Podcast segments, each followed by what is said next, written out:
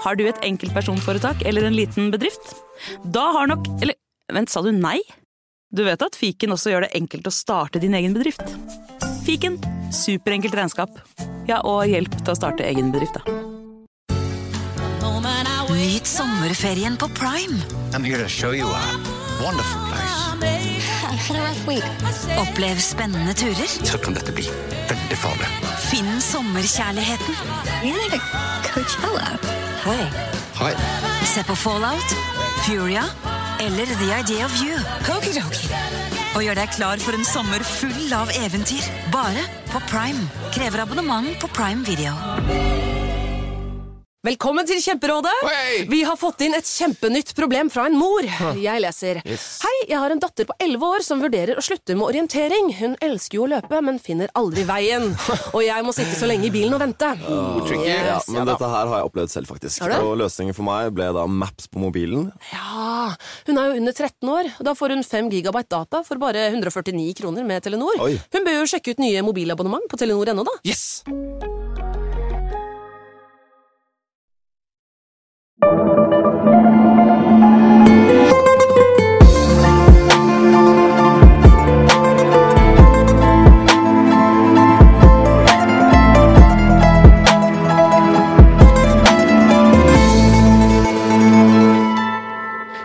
Og velkommen til Gangspodden. Mitt navn er fremdeles Jim Fosheim.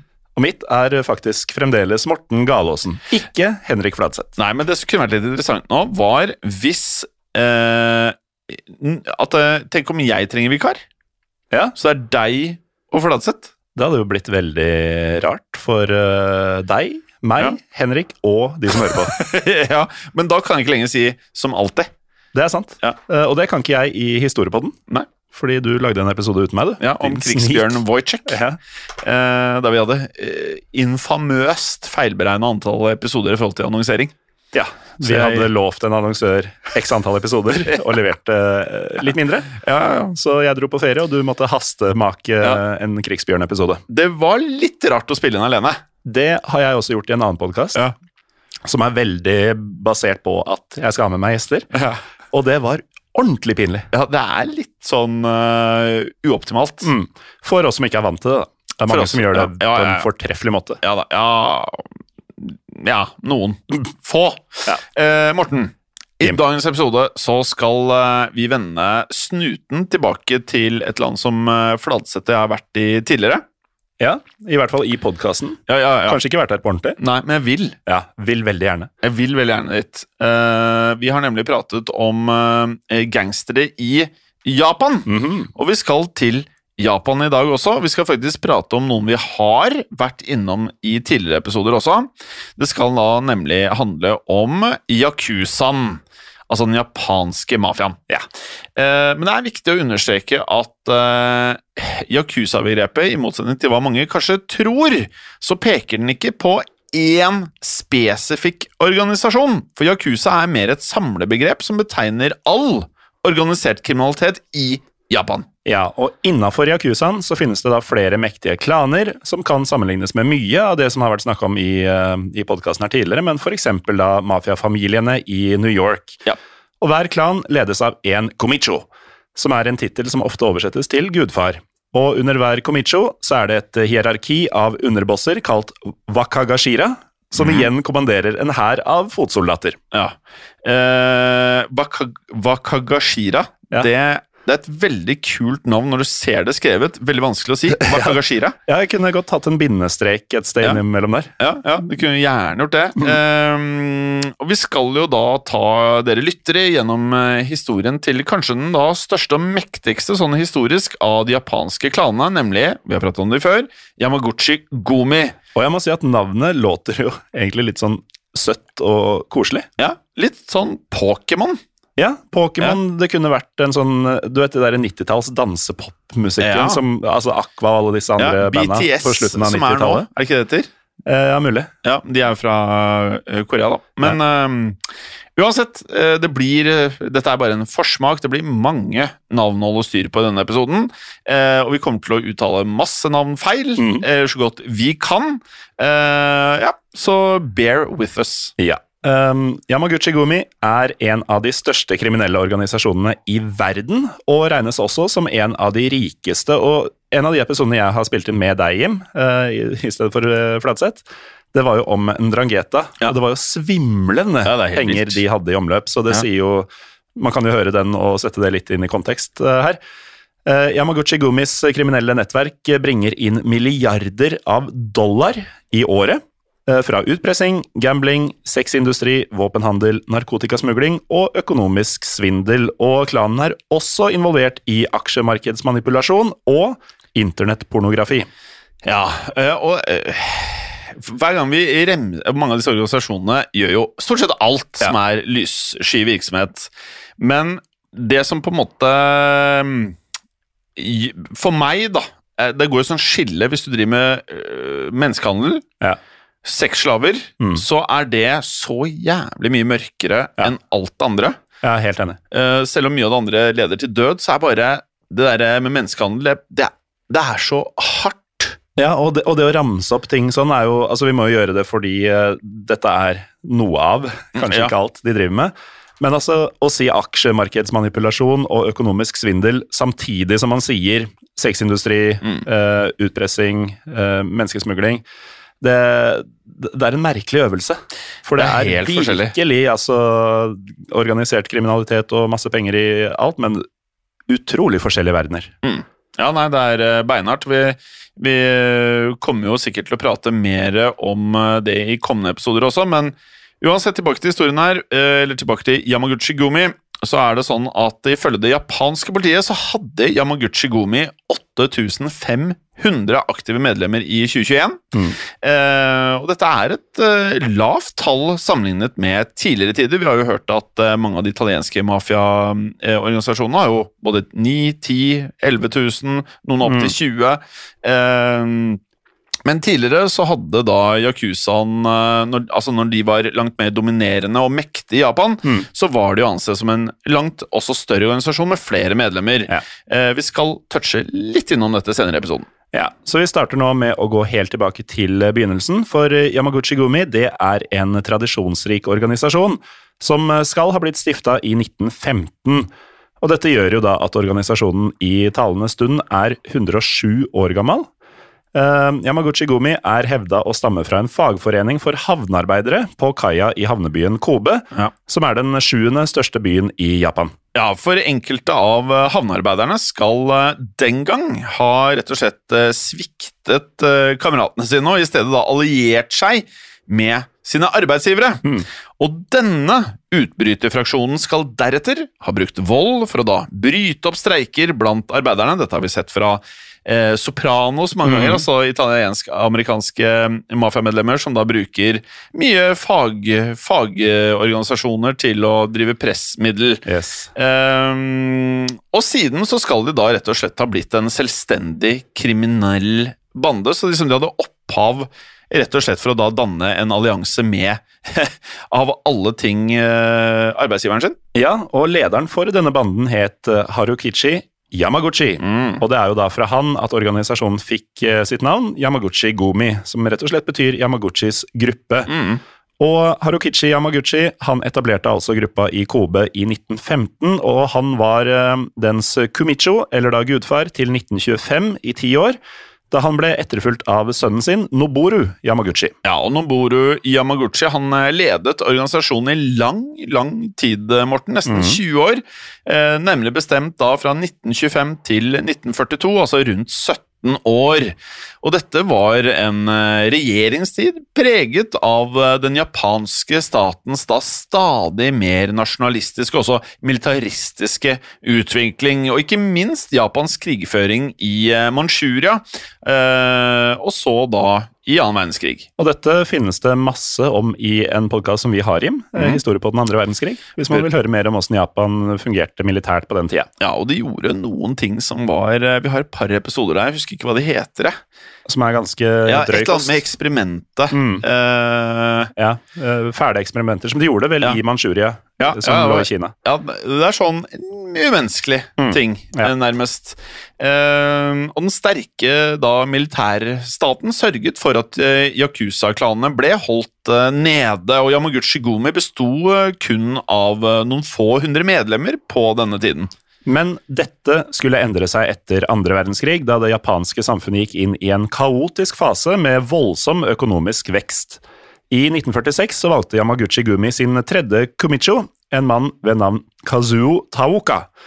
Og Taoka han var en tidligere protesjé, altså læregutt, av Noboru Yamaguchi, og Taoka skulle vise seg å bli den kanskje mest legendariske kumicho i ikke bare Yamaguchi Gummis historie, men i Yakuzaens historie. Og derav kallenavnet Gudfedrenes gudfar. Det er ganske kred, eller?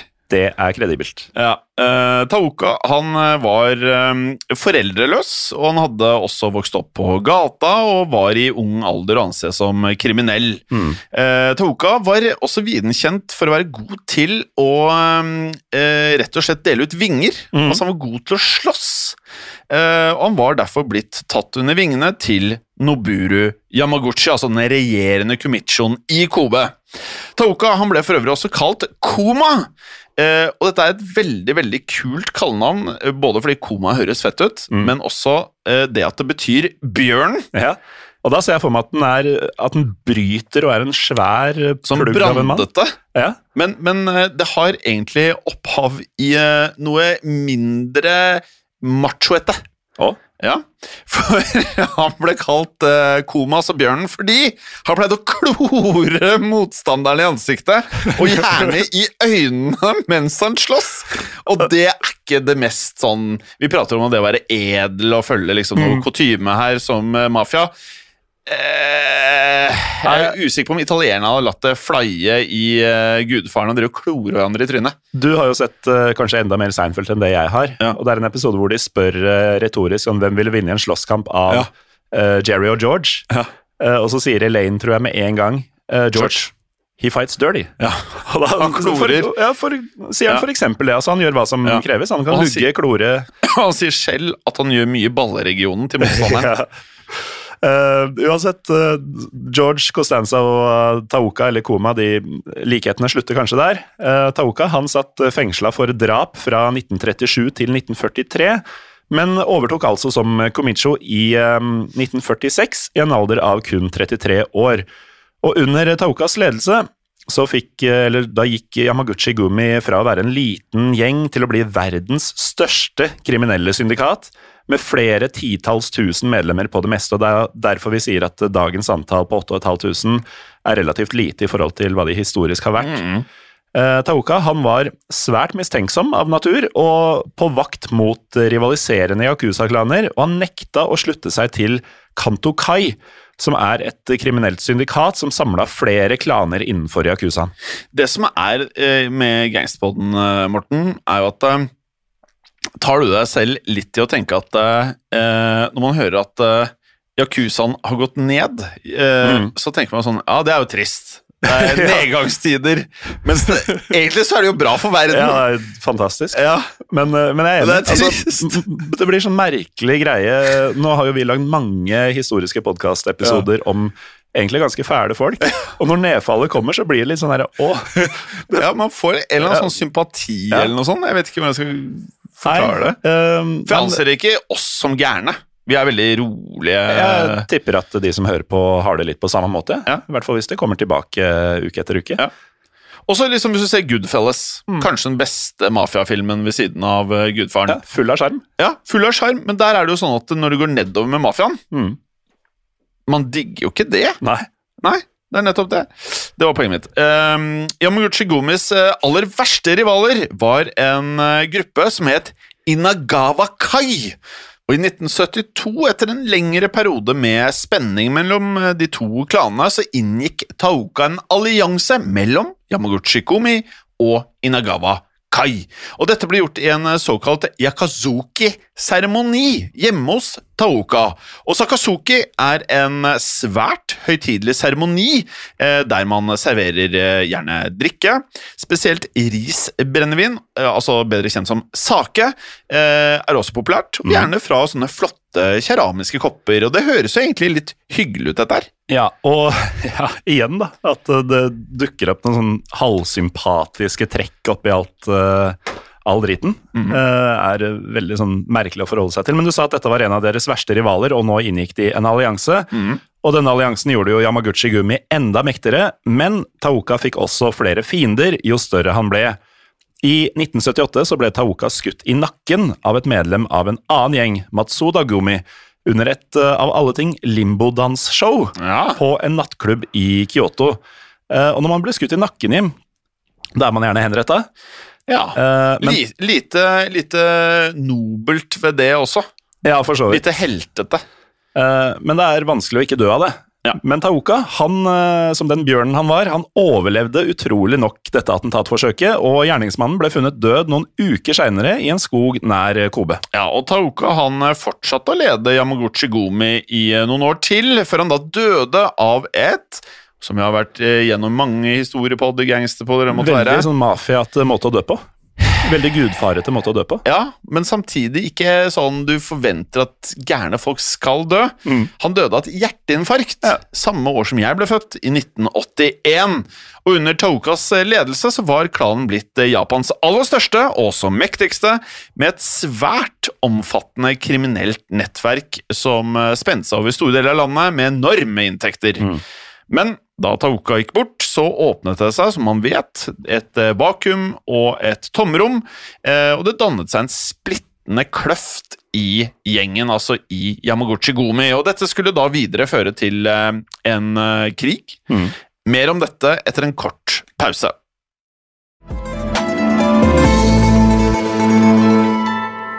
Velkommen tilbake. Før pausen hørte vi at Yamaguchi Gumi-klanens tredje Kumicho Kazuo Taoka gikk bort etter et hjerteinfarkt i 1981. Taoka han hadde da ledet klanen i hele 35 år!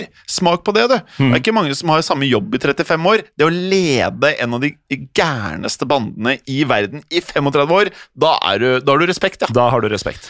Um, og det var da viktig å finne en verdig etterfølger, og så vet man at det er ikke alltid så lett. Nei, og altså Når vi sier respekt, vi nevnte jo tidligere dette var gudfedrenes gudfar. Nettopp. Det er altså kanskje tidenes vanskeligste leder Ja. å fylle skoene til. Du prøver å beskrive en person som ikke vokser på trær.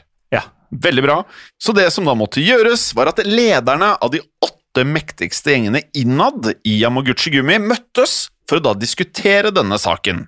Og de åtte gjenglederne de erklærte til slutt at Taokas høyrehånd, Kenichi Yamamoto, han var verdig til å ta over tronen. Men det var ett problem med den planen, og det var at eh, Kenichi Yamamoto han satt i fengsel. Ja, det er et problem. Det er ikke så lett å lede et eh, stort syndikat fra bak murene. Noen har gjort det. Ja, men uh, gjenglederne her da, de hadde derfor bestemt seg for å vente på at Kenichi ble løslatt, men året etter gikk det fra vondt til verre, fordi Kenichi han fikk ikke hjerteinfarkt, han fikk leversvikt og døde. Og dermed så sto tronen tom enda en gang, og det brygga opp til storm i Yamaguchi-gumi. Konflikten ble holdt i sjakk ved at eh, avdøde Taokas kone, eh, Fumiko Taoka, ble innsatt som midlertidig leder. Ja, eh, men denne løsningen den fungerte ikke spesielt lenge, Morten. Nei. For da Fumiko Taoka i 1984 skulle velge en ny Kumicho, altså en etterfølger til sin avdøde ektemann, så brøt det ut, som jeg nevnte før pausen, en krig. Fumiko valgte nemlig en Masahi Takinaka som ny Kumicho, noe som da gjorde en annen populær kandidat mildt sagt rasende, og denne andre kandidaten het Hir Hiroshi Yamamoto. Ja, og Yamamoto han skal ha nekta å akseptere dette nederlaget og valget, og drevet av sjalusi og sinne, så gjorde han derfor noe som skapte kaos i Yamaguchi-gumi. Yamamoto brøt ut fra Yamaguchi-gumi sammen med 18 løytnanter og 3000 andre medlemmer. Det er mange. Det er en god del, altså. Yamamoto og hans følgere de danna deretter sin egen organisasjon kalt Ichiwakai. Ja, og som om ikke det var nok, den 26. januar 1985 så sendte Yamamoto et team av hardcore assassins, altså leiemordere, til Takenakas elskerinnes hjem i byen Osaka. Og Takenaka, eh, hans eh, da nærmeste underboss og et annet medlem av klanen, sto da rett og slett og ventet på en heis da disse leiemorderne plutselig kom løpende og skjøt og drepte dem. Og dette dristige trippeldrapet utløste en blodig, landsomfattende konflikt som ble kjent som Yamaichi-krigen. Konflikten sto altså mellom hovedorganisasjonen Yamaguchi Gumi og den nystifta Ichiwakai, eh, som altså var utbrytergruppa ledet av eh, Hiroshi Yamamoto. Ja, og etter at eh, Yamamotos menn hadde drept Boston Takanaka, så sverget Yamaguchi Gumis nye ledelse og rett og slett utslette hele Ichiwakai som hevn for attentatet. Og hele Ichiwakai var da 3000 soldater pluss disse 18 løytnantene Det er mange, ass. Det må være et av de heftigste, mm, eh, en av de heftigste hevnaksjonene vi har hørt om i denne podkasten. Yamaguchi Gomi ble nå ledet av en Kazuo Nekanishi og hans underboss Yoshinori Watanebe. Det var tre, fire, fem, seks ganske lange japanske navn der. Altså, det, er, eh, eh, det må vi bare si til lytterne. Vi har spilt inn dette her Mange ganger. mange ganger for at jeg skal klare det. Ja, og for å være helt ærlig, så var det ikke sånn helt sånn som navnet sto nå heller, men det var det beste vi fikk til. Ja, men Var det ikke det? Jo da, det var det. Jo, det var det. Uansett, i årene som fulgte, så var det full krig mellom Yamaguchi Gumi og Ichiwa Kai. Og medlemmer fra de to gjengene de barka sammen i ikke mindre enn 220 skyteepisoder. Det er meget. Det er en god del. eh, som til sammen førte til at, og dette er et kanskje overraskende lavt tall eh, med tanke på at det var 220 episoder, 36 Yakuza-medlemmer fra begge sider ble drept, og mange flere ble alvorlig såra. Lokalavisene i Kansai-regionen de hadde faktisk daglige oppdateringer som lista opp stillinga i antall drepte på begge sider i krigen. Det høres ut som en fotballkamp, nærmest. Ja, eller en faktisk eh, fullskala krig. Eller en fullskala krig. Eh, og denne krigen som du nevner, varte jo i pluss-minus tre år. Eh, og kanskje lite overraskende så kom Yamaguchi Gomi ut seirende av denne konflikten slash krigen. Men triumfen hadde nå kostet Yamaguchi-klanen dyrt, og ble av de aller fleste beskrevet som en hul seier. For krigen var ikke nødvendigvis eh, verdt det det kostet, eh, ettersom de negative virkningene ble da langt, langt større enn hva de eh, vant på denne krigen. Ja, for egentlig så hadde Yamaichi-krigen ingen vinnere, ettersom mange av Yamaguchi-klanens viktigste medlemmer ble arrestert i de påfølgende politiraidene mot eh, klanen, og samtidig så søkte mange Ichiwakai-medlemmer på den tapende siden beskyttelse fra politiet, fordi de innså at de var i undertall og hadde tapt eh, krigen. Ja, men eh, ved hjelp av en nøytral Yakuza-gjeng fra Tokyo, som het Inagawa Kai, ble det til slutt inngått en fredsavtale. Og avtalen den innebar at eh, de resterende Ichiwa Kai-avhopperne fikk lov til å bli medlem på nytt i, tro det eller ei, Yamaguchi Gomi. I alle dager. Ja, så dette her er en U-turn, altså. Og avtalen krevde også at Ichiba Kais leder, Hiroshi Yamamoto, trakk seg tilbake. Det må man jo kanskje regne med. Ja, det er rimelig. Yamamoto han aksepterte kravet, og på den måten så ble det igjen fred i Yamaguchi Gumi. Og slutten på denne årelange maktkampen ble markert med utnevnelsen av Yamaguchi Gumis femte store komicho, Yoshinori Watanabe, som du nevnte tidligere, Jim. Det ble avholdt en enorm seremoni ved et lokalt tempel for å markere utnevnelsen, der over 100 ledere i Yamaguchi Gumi var til stede, utkledd i tradisjonelle japanske drakter. Som komicho ble Watanabe kjent for å ha en mer diskré stil enn sine forgjengere. Han ga ingen intervjuer, og han holdt seg som regel i sitt hovedkvarter i Kobe, ofte kalt for Slottet. Ja, Staselig, tror jeg. Ja, det vil jeg tro. Eh, og hobbyene til Watanabe var eh, ikke noe som eh, er helt sånn ulikt hva ja, vanlige folk har. Han eh, likte å jogge, han likte å golfe, Ja. og han pumpa stål. Altså, han var, eh, drev med vektløfting. Ja. Ja.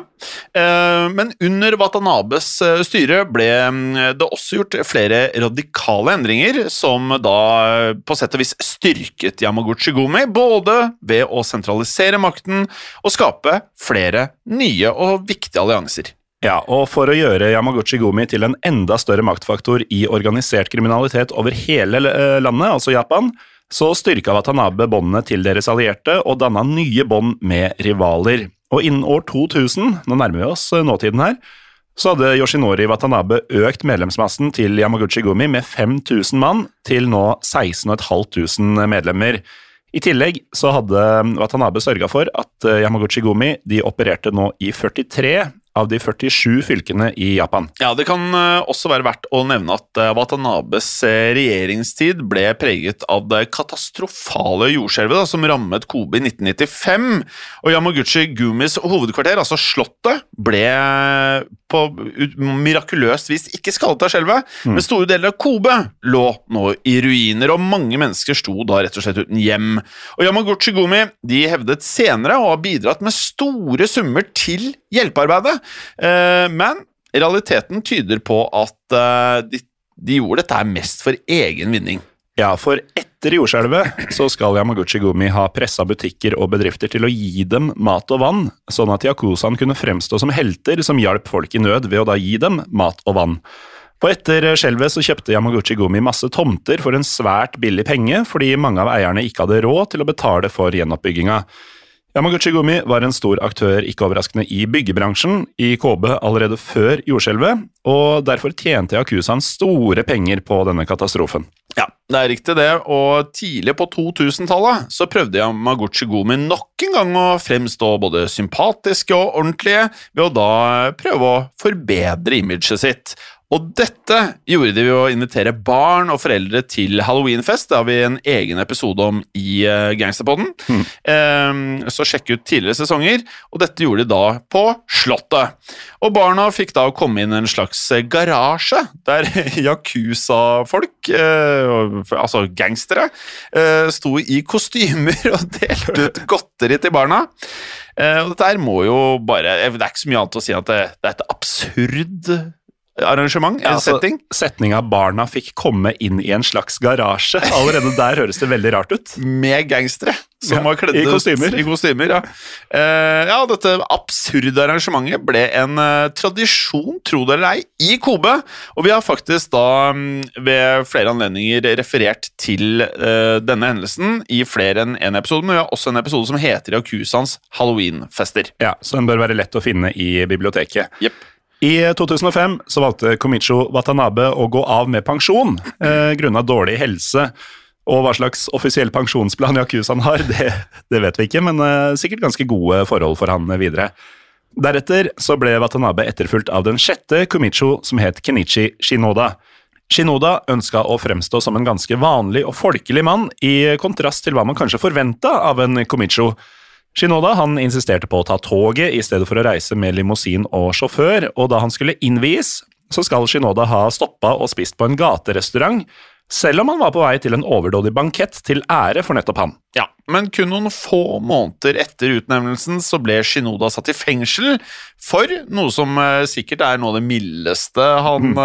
kunne blitt tatt for, nemlig våpenbesittelse. Og det virker så tilfeldig ofte når eh, sånne mafiabosser blir tatt for noe, hva det er de blir tatt for. Ja, for det det, der er jo småtteri i forhold til hva han egentlig står bak. Ja, og det går igjennom i historien at de må liksom ta det for noe annet enn mord og de groveste tingene. Sånn der eh, Al Capone. Mm. Mm. Eh, og seks år senere, da vi kom til 2011, så ble Shinoda da løslatt og fortsatte da sin eh, regjeringstid. Shinoda han ønsket at Yamaguchi Gumi skulle ekspandere sitt eh, territorium ved å da utfordre andre Yakuza-klaners hegemoni i Tokyo og østligere deler av Japan. Eh, og da, Morten, så eh, skjønner jo lytteren like godt som oss at eh, da blir det eh, kaos. Da blir det kaos. Ja, for dette brakte jo da med seg konflikt og masse drap. Eh, Men det skapte også uroligheter innad i Yamaguchi Gumi. Sånn at i fire år fremover i tid, altså i 2015, så oppsto det da en ny stor splittelse nok en gang i organisasjonen. Ja, På denne tida så besto Yamaguchi Gumi av 72 fraksjoner, altså mindre grupper, som alle var underlagt eh, Shinodas eh, makt. Men i 2015 så valgte 13 av disse 72 fraksjonene å løsrive seg og danne sin egen organisasjon. For det har vi jo sett på historien nå, at det, det lønner seg å rive seg løs herfra. Da går det bra etterpå. Denne utbrytergruppa het KB Kobe Yamaguchi Gumi. Ja. Og løsrivelsen den starta en gjengkrig eh, mellom Yamaguchi-klanen og utbryterne i KB Yamaguchi. Lyder kjent. Eh, dette var den største konflikten da siden Yamaichi-krigen på 80-tallet. Og konflikten den varte eh, enda lenger enn den forrige vi fortalte om. For denne her varte i fem år. Eh, og det ble utført eh, flere attentat, og selvfølgelig attentatforsøk mot eh, de høyestående lederne i de ulike fraksjonene. Men etter hvert så gikk konflikten i eh, ja, stillestand, altså den gikk i lås uten eh, noe klart resultat. Og i 2020, altså dette er jo veldig nytt, eh, så ble det da meldt at utbyttergruppen Yamaguchi Kobe rett og slett hadde gått i oppløsning. Ja, og som ved forrige krig, så endte det hele med at Yamaguchi Gumi faktisk lot noen av utbryterne komme tilbake til klanen, og dermed ble det gjenetablert en viss eh, stabilitet og ro. Ja, Det setter jo en sånn rar presedens å ta det tilbake, for da liksom, hvis det er flere utbrytere, så tenker de ja, ja, det verste som skjer er I hvert fall så hvis vi taper, så Ja. kommer vi bare tilbake. Ja, ja. Du kan miste livet da, selvfølgelig. Ja, det kan du. Ja, ja. Eh, Men Yamaguchi Gumi og de andre Yakuza-klanene i Japan de er uansett under sterkt press, ettersom holdningene til Yakuza har endra seg mye de siste åra. Ja, for helt siden annen verdenskrig så har Yakuzaen eh, vært en eh, mer eller mindre en tolerert aktør i eh, samfunnet i Japan. Eh, Yakuza-klaner er regulert på samme måte som selskaper, eh, og er, slik vi har forstått det, egentlig ikke ulovlig i seg selv. Nei, det er det Yakuza-klanene gjør som ofte er ulovlig, Ja. men ikke at de er Yakuza. Ja, nettopp. Så um, siden 90-tallet da, så har da nye lover og stadig flere politietterforskninger gjort eh, livene til Yakuzaen langt vanskeligere. Så det å bli Yakuza det fremstår ikke lenger eh, like fristende eh, som det gjorde en gang i tiden for da unge menn, som betyr da også at medlemstallene blir rammet av det. da, og så er jo det egentlig en positiv ting, men i gangsterpoddens eh, setting så, ja, så er det jo liksom. nedadgående for Yakuzaen. Og noen anslag de hevder faktisk at eh, Yamaguchi Gumi har så få som 4000 medlemmer, og at eh, dette tallet da utgjør en tredel av hele Yakuzaen, altså all Yakuza i Japan. Eh, og den japanske Yakuzaen består i så fall bare av eh, 12 000 personer totalt, som jo er mikroskopisk, sammenligna med at det var hele 200 000 medlemmer i storhetstida på 1960-tallet.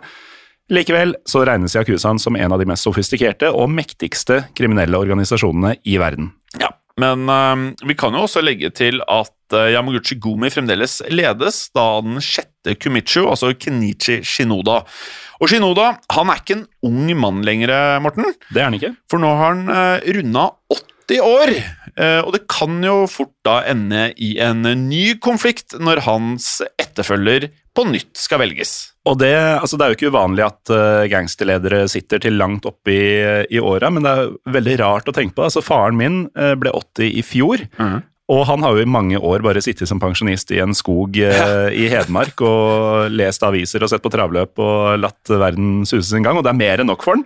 Eh, denne 80-åringen, altså Shinoda, han sitter altså og leder Yamaguchi Gumi. Ja, nei, det er eh, Forskjell på helt folk. vilt. Men det ser man jo også fra alle disse gangsterfilmene også. Mange av de blir steingamle. Ja. Med de her oksygentankene Ja. som de ruller bortover med. Rullator og oksygentank, men du skal fortsatt være the boss of bosses. Ja, du skal det. Og med det så var det vår eh, Ja, vår lille sånn eh, bidrag til innsikt av Yamaguchi Gumi. Mm. Det er klart at det er ikke alle de forskjellige fraksjonene av gangster rundt omkring i verden som det er like lett å oppdrive informasjon om.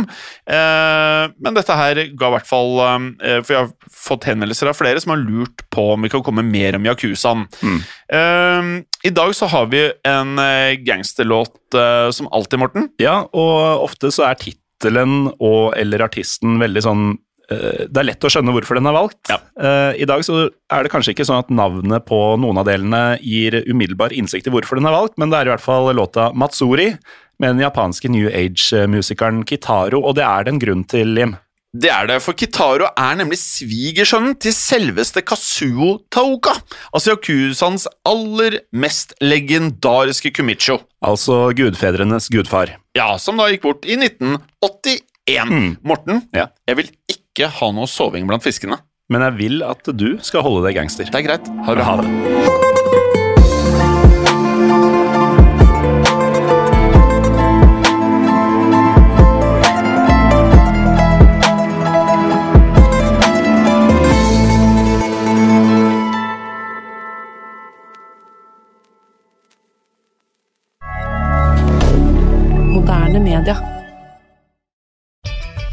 Kan kundene dine betale slik de ønsker?